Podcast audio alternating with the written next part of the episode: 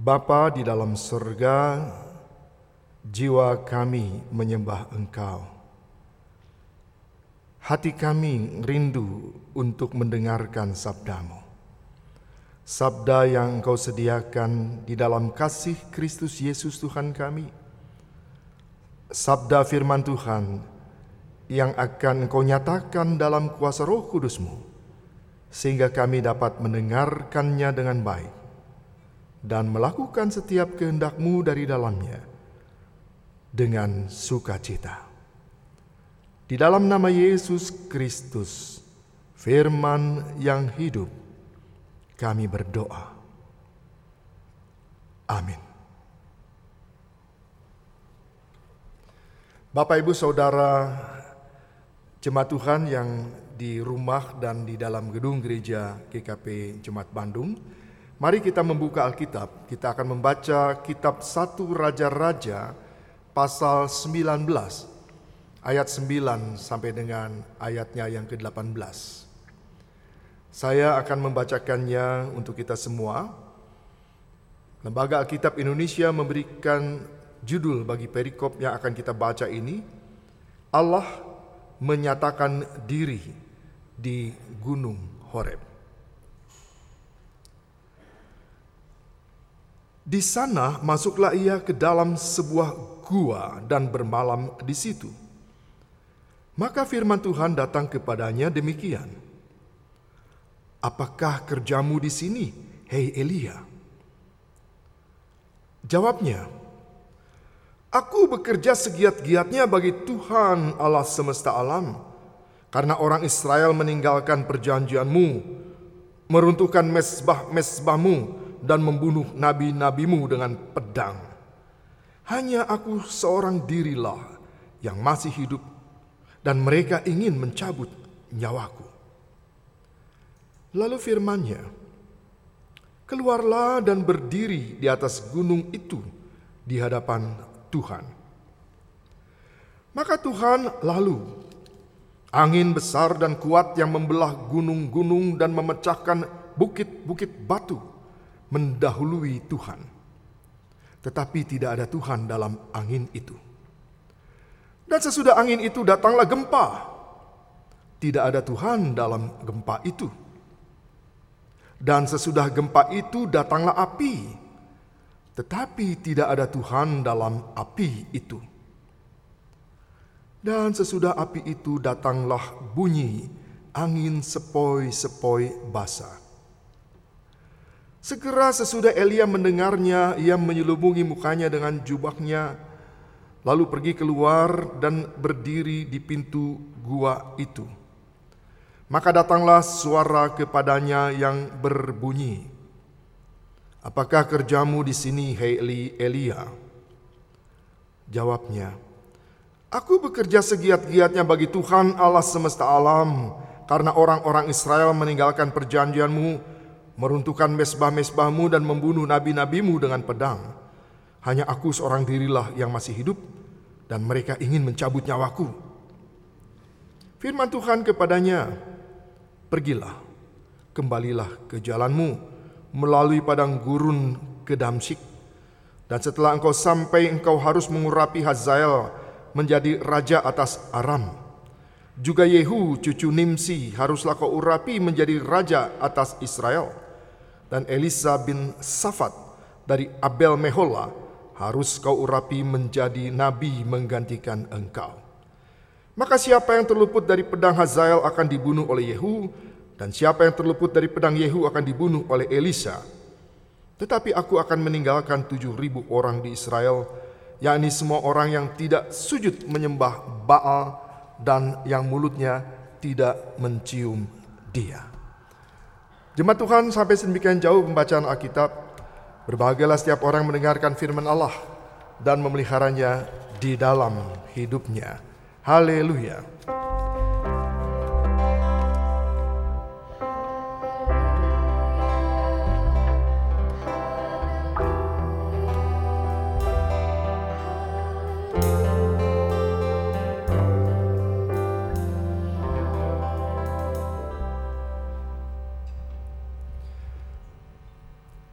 Bapak, Ibu, dan saudara yang dikasih Tuhan, baik yang ada dalam gedung gereja maupun di rumah masing-masing.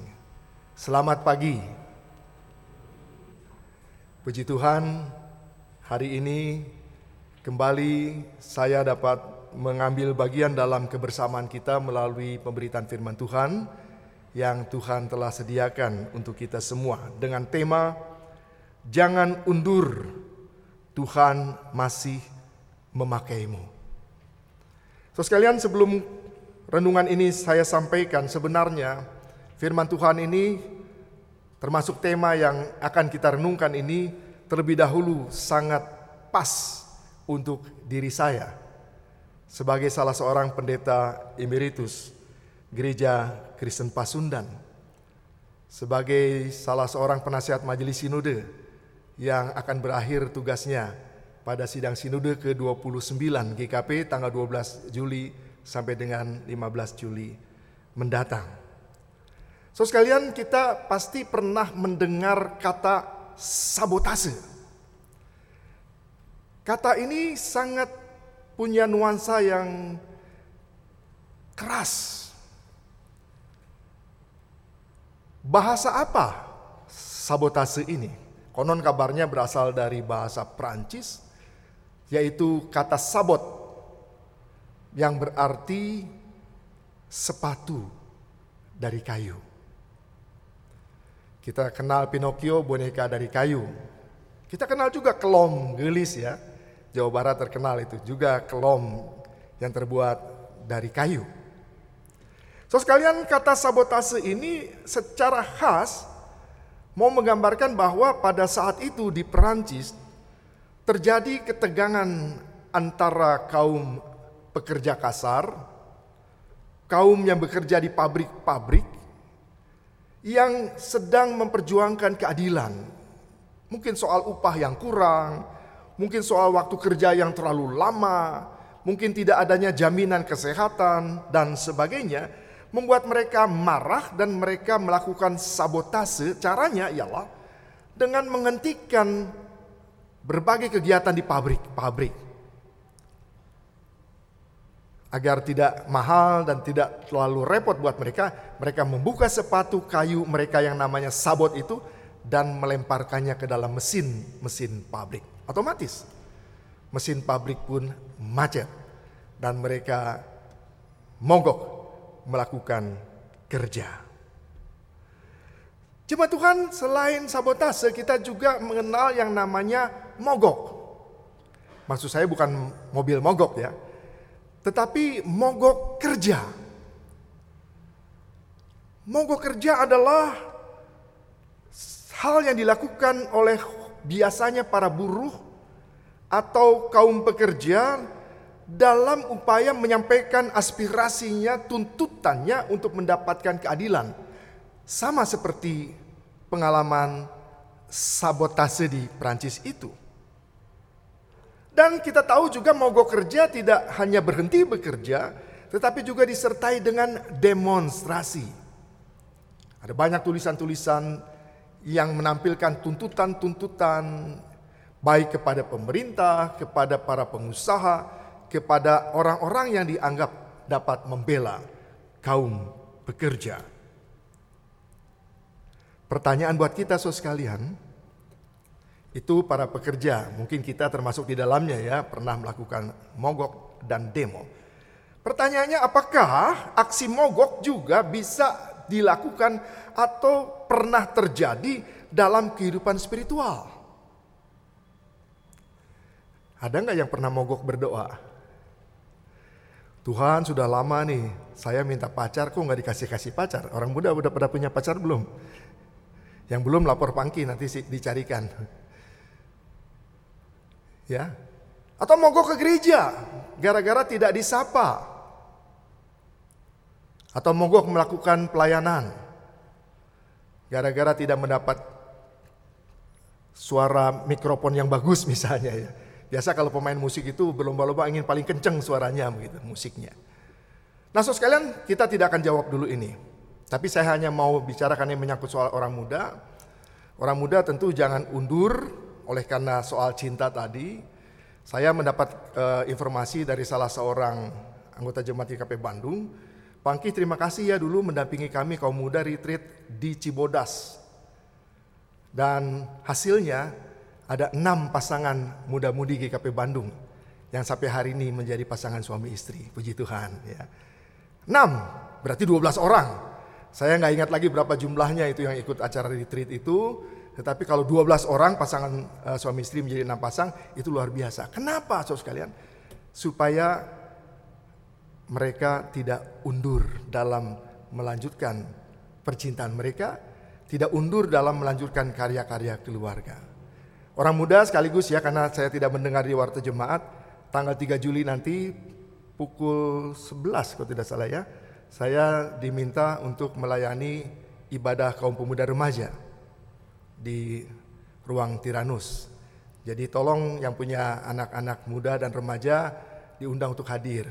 Memang saya dengar dibatasi jumlah yang hadir on-site, tapi bisa hadir secara online. Jemaat Tuhan mari kita berlanjut kepada apa yang disampaikan oleh firman Tuhan kitab satu Raja-Raja. Kalau kita membaca perikop sebelumnya, kita mengetahui bahwa Elia sedang berada dalam situasi yang sangat kalut. Dia sedang diancam akan dibunuh. Ancaman itu munculnya pertama-tama dari Isabel. Istri dari Raja Ahab.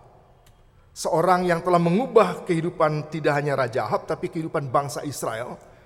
Dari yang setia kepada Allah kemudian berbalik menyembah kepada dewa-dewa Baal.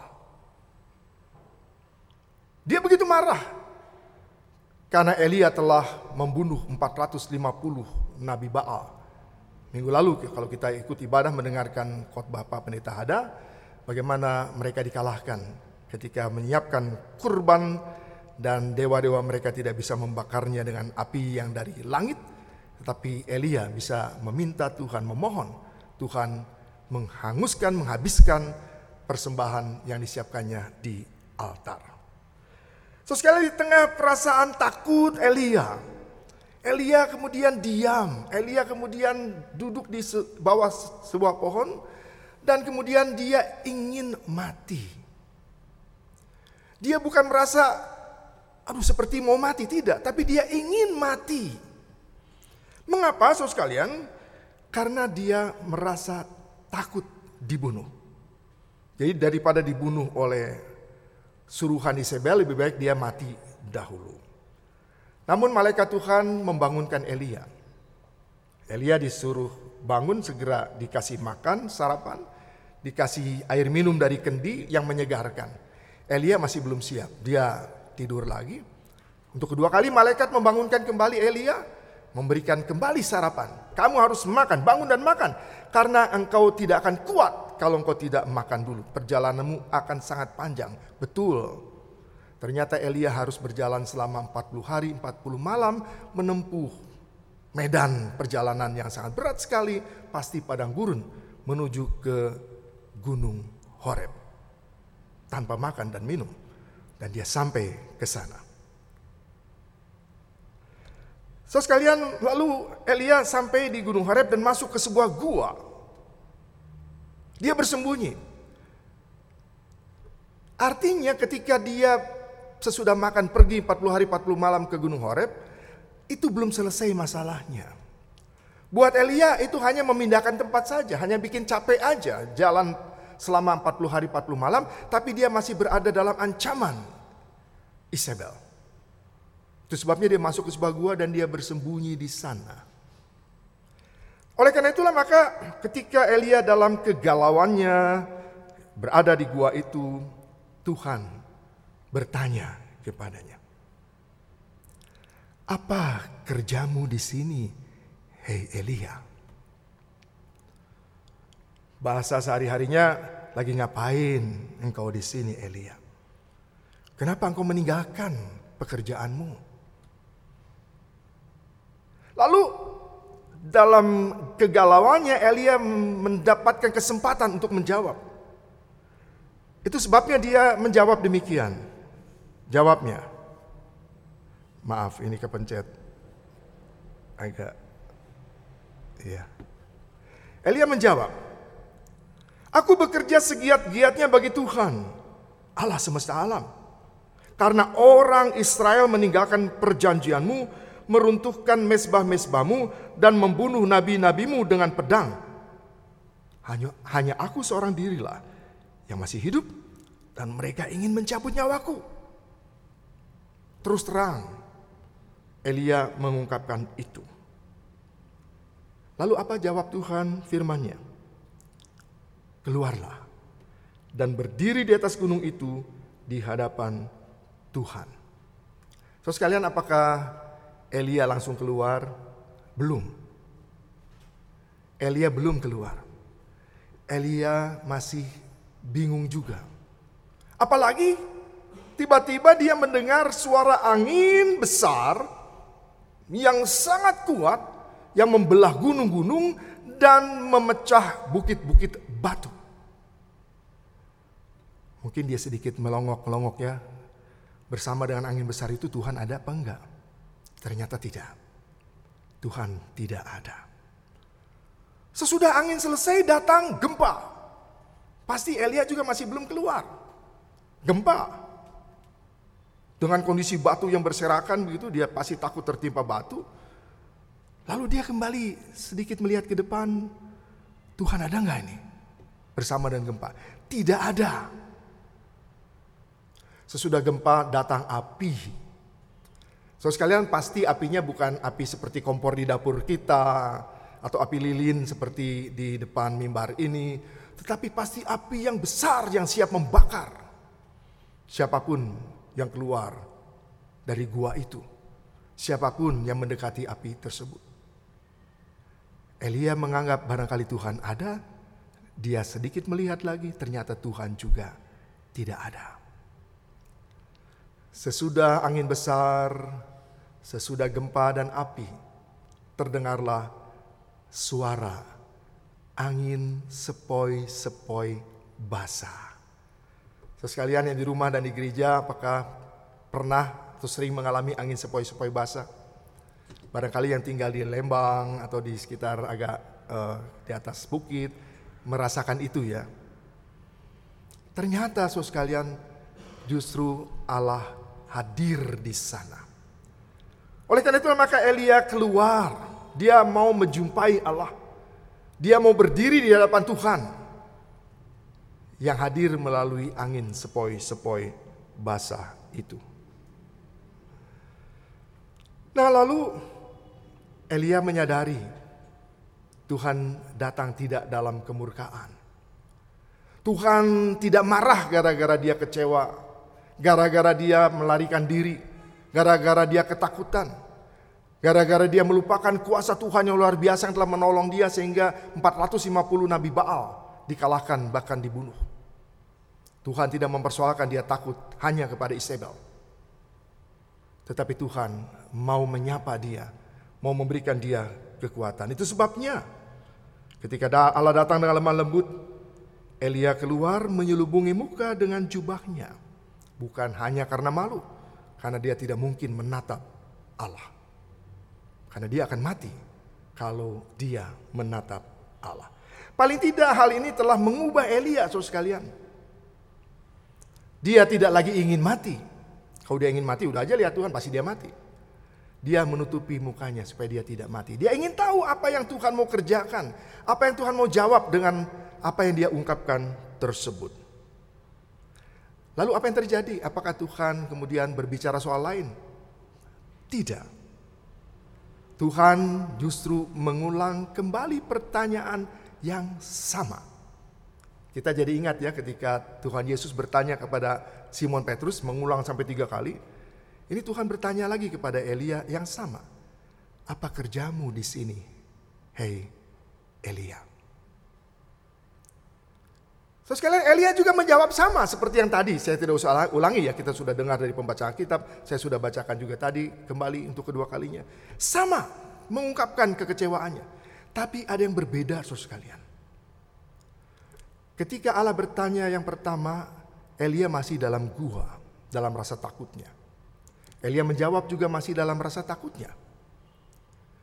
Ketika dia keluar gua dan telah dijumpai oleh Allah dengan nuansa lemah lembut, suasana yang penuh kedamaian, bukan kemarahan. Ketika Allah bertanya, Allah pun bertanya dalam konteks yang berbeda. Menghadapi Elia yang sudah mengalami perubahan. Dan walaupun kata-kata Elia sama, maka kata-katanya itu juga sudah punya nuansa yang berbeda. Yang tidak lagi disertai rasa takut, tapi lebih kepada pengharapan. Apa yang Tuhan inginkan? Kalau Tuhan bertanya, "Engkau sedang apa? Apa kerjamu di sini?" Lalu seolah-olah dia mau bertanya, "Kalau demikian apa yang harus kukerjakan?" Jemaat Tuhan, lalu Allah segera menjawab. Tuhan berkata, Kembalilah ke padang gurun dekat Damsyik. Lalu pergilah ke kota dan tuangkanlah minyak ke atas kepala Hazael sebagai tanda pengangkatannya menjadi raja. Di sini disebutkan dalam terjemahan baru Syria. Dalam Alkitab yang kita baca tadi Aram sama saja. Elia harus melakukan penabisan, pelantikan terhadap raja Bukan hanya Raja Aram, tapi juga kepada Yehu anak Nimsi supaya dia menjadi Raja Israel. Dan juga kepada Elisa anak Safat supaya dia menjadi Nabi menggantikan engkau. Ada tiga misi yang harus dikerjakan oleh Nabi Elia. Sebelum dia menyerahkan tugas panggilan yang Allah berikan sebagai Nabi kepada Elisa penggantinya. So sekalian, lalu Tuhan berjanji orang-orang Israel yang menyembah Baal itu akan dibunuh, akan mati. Secara bergantian oleh para raja-raja tadi termasuk oleh Elisa. Tapi Tuhan akan menyisakan tujuh ribu orang Israel yang tidak menyembah Baal dan tidak mencium Baal. Tujuh ribu. Artinya Elia tidak sendirian. Tujuh ribu bukan sedikit. Elia mempunyai kekuatan dalam melaksanakan tugasnya. Dan ini jelas mau mengingatkan Elia supaya Elia tidak undur dalam melaksanakan tugasnya. Pada masa-masa akhir pelayanannya menjelang terjadi pergantian kepada Elisa. Dan yang menarik, tugas yang berat ini diberikan pada bagian akhir. Kalau Bapak Ibu Saudara suka nonton sepak bola, Para komentator biasanya mengatakan ini injury time. Sisa 5 menit, sisa 3 menit, sisa 30 detik pun itu bisa menjadi perkara yang besar kalau dipergunakan dengan baik sebagai kesempatan untuk membobolkan gawang lawan. Jemaat Tuhan, menjawab pertanyaan tadi saya mau mengajak kita untuk melihat bahwa tentu saja di gereja juga bisa terjadi orang-orang yang undur dari panggilan pelayanan. Bisa oleh karena kecewa terhadap umat, kecewa terhadap rekan sepelayanan. Bisa juga karena merasa tidak mampu, tidak berdaya seperti Elia. Berada dalam situasi terancam. Jangan lupa juga bisa terjadi karena tidak didukung oleh keluarga. Kami bersyukur para pendeta, apalagi yang sudah emeritus, ternyata keluarga kami selalu mendukung sehingga kami bisa menyelesaikan tugas sampai emeritus. Bahkan sesudah emeritus pun kami tetap didukung oleh keluarga. Para penatua tidak akan bisa melaksanakan tugasnya dengan baik kalau tidak didukung oleh keluarga. Demikian juga kita sekalian. Bisa juga ada orang-orang yang undur, mogok, so sekalian, karena masalah kehidupan, pekerjaan, pekerjaan yang tidak beres-beres, studi yang gagal, Masalah ekonomi pada masa pandemi ini ada banyak sekali orang yang mengalami kesulitan. Dan itu bisa menjadi alasan untuk mundur. Untuk undur dari pelayanan. Mohon maaf Pak Pendeta, saya mungkin sementara ibadah online aja dulu ya. Mulai undur nih. Oh iya memang sekarang belum ada onsite. Pada saat sudah ada onsite, padahal awalnya kan semangat. Ya nanti kalau udah onsite saya daftar nomor satu. Saya dengar sekarang tidak perlu daftar, tapi masih ada kursi-kursi kosong juga. Gitu. Apakah memang bukan berarti yang online ini tidak eh, menghargai ibadah. Saya sangat senang sekali, pasti Bapak Ibu yang di rumah, saudara-saudara sekalian. Tapi jangan sampai kemudian oleh karena masa pandemi, oleh karena kita sudah terbiasa online, kita tidak lagi mengambil bagian dalam ibadah, ibadah onsite.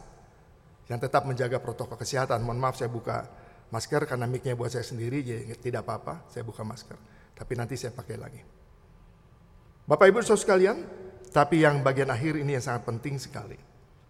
Ada banyak orang seperti Elia yang merasa sudah mau berakhir tugasnya. Mau apa lagi? Sudah ganti aja lah. Aku mati digantikan oleh siapa pun nanti yang menggantikanku. Aku nggak usah ngapa-ngapain lagi. Karena akan berakhirnya periode pelayanan. Saya dengar tadi mungkin juga sekarang masih rapat panitia pemilihan. Calon-calon majelis jemaat GKP Bandung sudah mulai bekerja. Dan itu berarti ada masa di mana para penatua sudah berada pada fase akhir menjalani tugas tugas pelayanannya. Pertanyaannya ialah apakah kita akan mau menjadi seperti Elia sebelum keluar dari gua di Gunung Horeb itu. Yang menganggap sudahlah mau selesai, tidak usah ngapa-ngapain lagi. Sudahlah, nggak usah ke gereja, cukup dilakukan oleh teman-teman yang lain. Tidak. Justru marilah kita seperti pemain sepak bola tadi. Waktu-waktu terakhir itu adalah masa injury time bagi kita untuk menebus kekurangan selama ini, memberikan yang terbaik buat Tuhan. Jemaat Tuhan, selanjutnya kita akan lihat bahwa bukan hanya konteks berjemaat, tapi juga konteks bersinode. Kita akan sidang sinode tanggal 12 sampai 15 Juli. Ada banyak di antara kita mengambil bagian dalam penata layanan di dalam kehidupan bersinode di berbagai aras termasuk di badan-badan pelayanan. Jangan kita menganggap kalau sudah mau berakhir maka sudahlah tidak perlu melakukan yang terbaik. Jangan undur. Tuhan masih memakaimu.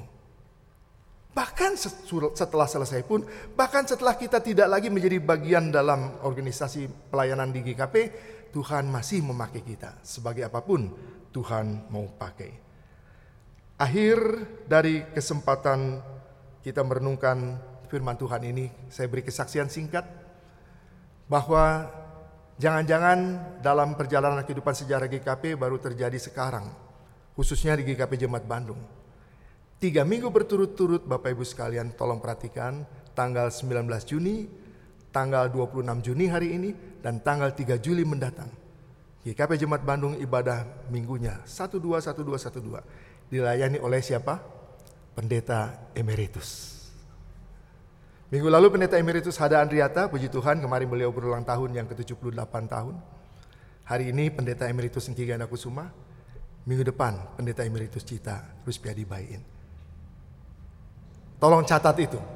Itu memberikan satu sukacita buat kami para pendeta emeritus dan juga untuk gereja Kristen Pasundan bahwa tidak ada masa kita tidak berkarya.